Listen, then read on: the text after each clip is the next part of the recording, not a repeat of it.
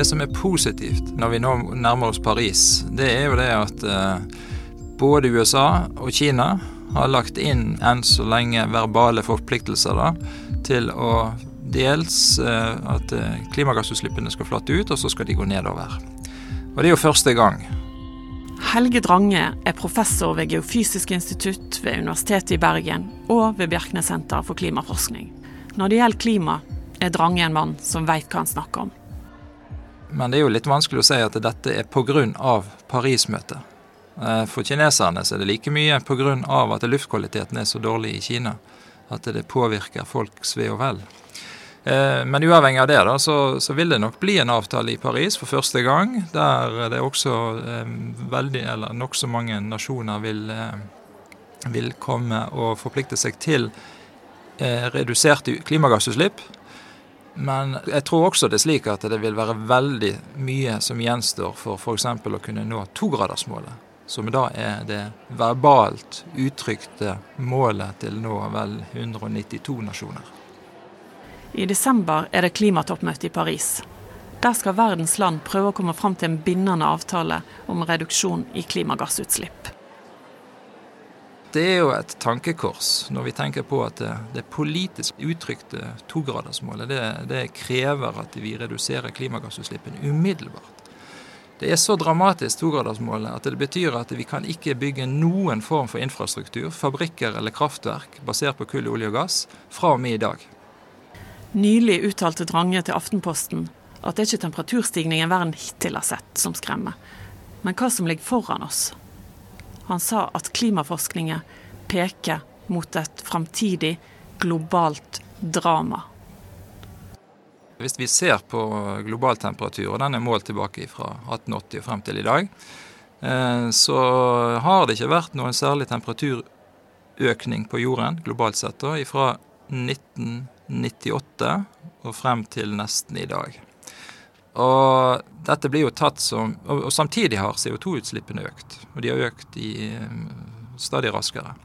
Så det her er det et tilsynelatende misforhold, og det er jo da blitt brukt for de som ønsker å slå tvil om menneskeskapt klimaendring, at her kan det ikke være en sammenheng mellom økt CO2-innhold og temperatur på jorden, siden disse to kurvene da går mer eller mindre hver sin vei. Og, og tilsynelatende så er det rett, men eh, altså, vi vet jo mer. Så da er det spørsmål hva er årsaken til dette tilsynelatende misforholdet, og hvordan ligger vi an når vi ser på temperaturen i dag.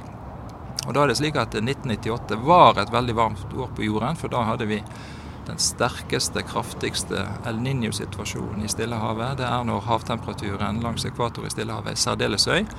Og Da går denne varmen opp i atmosfæren, og jordens temperatur stiger. Og etter 1998 og frem mer eller mindre til i dag, så har vi hatt en motsatt situasjon hvor havtemperaturen i overflaten har vært relativt lav.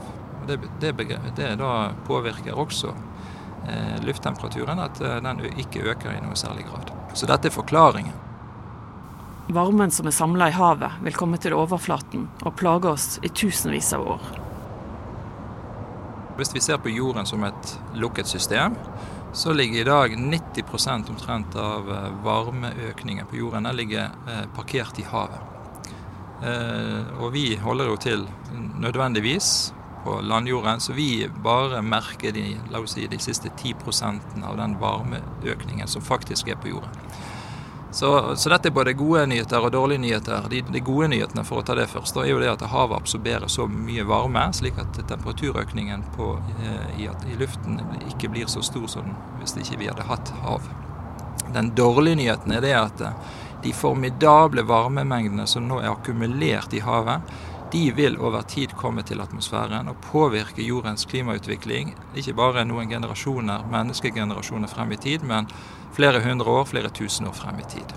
Det er det ene. Det andre er jo det at med de klimagassutslippene som vi har i dag, så ligger vi an til en temperaturøkning i dette århundret på ja, i beste fall to grader, kanskje i verste fall sånn tre-fire grader. Og så kan vi si ja ja, er det så ille om sommertemperaturen i Bergen eller ellers skulle øke med noen grader? Det er jo allikevel så kaldt der osv. Det kan man gjerne mene. Men vi kan jo sette dette i et, i et geologisk perspektiv. Så når jorden var et sted mellom to til tre grader varmere enn temperaturen på jorden i førindustriell tid, rundt 1850, så eh, må vi tilbake vel 3 millioner år, 3,2 millioner år for å finne tilsvarende situasjon. Dette kommer nå. Eh, vi kan ikke si sikkert at det kommer, men vi ligger an til at dette kommer i løpet av 50-100 år. Så, og havet stiger. Eh, rett nok så er vi eh, iallfall enn så lenge reddet av at landet løfter seg. Men andre steder så er havstigningen begynner det å bli et problem. Og eh, hadde vi holdt til i nordområdene, hvor det er havis, f.eks. Svalbard eller i Arktis, så eh, du kan jo ikke sammenligne den situasjonen som i dag, med den situasjonen som var for 20 år siden. Overhodet. Eh, tundraen den begynner å tine. Eh, og vegetasjonen den brer seg både oppover til fjells og nordover på, på, på jorden. Så det er veldig mange eh, faktorer, eller endringer, som skjer og mange av disse eh, endringene det er også noe som vi kan forstå bare ved å observere over tid. Og dette tror jeg er helt nødvendig for å få en økt eh, bevisstgjøring og fokus på eh, at klimaendringene det er, noe, det er, noe, mer enn hva klimaforskerne sier, eller miljøforkjemperne roper om. Det er faktisk noe som vil, eh, vil gjelde oss alle. I høst avslørte amerikanske journalister at Exxon Mobil allerede i 1978 visste om menneskeskapte klimaendringer. De visste at temperaturstigningen kom til å bli på to-tre grader. Dette holdt de skjult, og drev i stedet aktiv desinformasjon om klima. Exxon nå, er jo ute i nokså hardt vær pga. de har Dette vet vi jo, men nå er det på en måte dokumentert at de har eh, da jobbet mot det som klimaforskningen sier.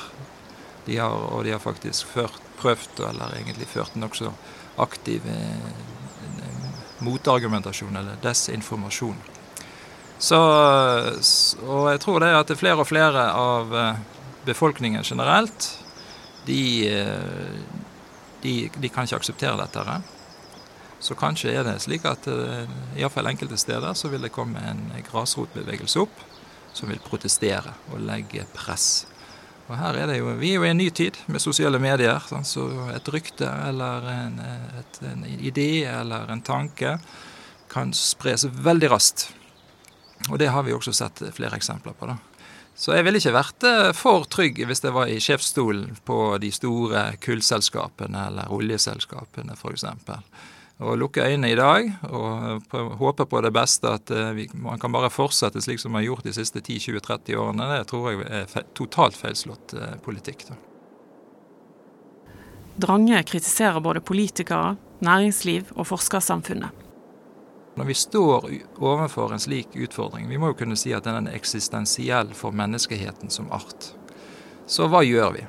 Er det da helt uproblematisk å ta imot donasjon, mer eller mindre, fra f.eks. oljeindustrien for å forske på hvordan hente ut mer olje og gass, hvordan kunne hente ut olje og gass i nordområdene osv. Men det er jo slik at eh, både universitetsmiljøene og instituttsektoren og også Vitenskapsakademiet, det norske vitenskapsakademi, de, de utviser veldig lite oppfinnsomhet og forsker på morgendagens samfunn. Og det, dette mener jeg er meget kritikkverdig. Norges egen omlegging til en grønnere tidsalder er et underlig skue, sier Helge Drange. Der en sier noe og gjør noe annet. Jeg vil jo si at uh, retorikken uh, virker jo tilforlatelig. Man snakker jo om det grønne skiftet. Hva som ligger i det, det er jo det som er problemet. Det er veldig vanskelig å få tak i. Uh, og dessverre så har vi jo en miljø- og klimaminister som er særdeles usynlig. Eh, som virker ikke som hun eh, har ønsker eller har ambisjoner om å sette dagsorden i hele tatt. Så det, så det, er litt vanskelig å forstå dette. Og Det er også lagt frem nå et statsbudsjett som eh, medfører økte klimagassutslipp frem til 2020, og bare en svak reduksjon frem til 2030. Og det er jo overhodet ikke i tråd med togradersmålet. Så igjen så er det veldig stor sprik mellom retorikken, det som blir sagt og det som blir ja, uttrykt, og det som vi legger opp til eh, når det gjelder faktisk politikkutforming. Helge Drange bruker mye tid på å formidle klimaforskning og vekke engasjement for saken. Vi spurte om han sjøl har politiske bindinger som kan påvirke hans holdninger. Nei, det vil jeg ikke si. Uh, og min hovedmotivasjon Det ene er jo at jeg syns at uh, jeg, har, jeg synes naturen er utrolig fascinerende. Så det er en nysgjerrighet som driver meg og min forskning. Og jeg, eh, jeg, jeg syns absolutt at dette er noe som vi eller vi har et ansvar til å ta vare på. Så det er det ene, ene siden. Så naturen ligger mitt hjerte nærmt. Så det, det er kanskje min religion. Jeg er ikke religiøs, men det er min religion. Eh, det andre er jo det at eh, jeg, jeg, gjør, jeg har en jobb har, som er lønnet av offentlige midler. Og da er det, syns jeg, bare helt naturlig. Jeg kan, ikke, jeg kan ikke forstå noe annet enn at jeg har en plikt til å videreformidle noe av den kunnskapen jeg har, og noen av de tankene jeg gjør. Og Så er jo utfordringen da å finne en balanse mellom det som jeg faktisk jobber med, og jeg, hvor jeg er ekspert, fagekspert, og mer hvor det kommer inn og gjør vurderinger. Så liksom når vi sitter her, så er det mange av de vurderingene jeg gjør som ikke er basert på min forskning. Eh, så, så, det er en balansegang der. Men jeg vil jo si at de dårligste forskerne vi har generelt, det må jo være de som sitter i et kontor bak et lukket dør.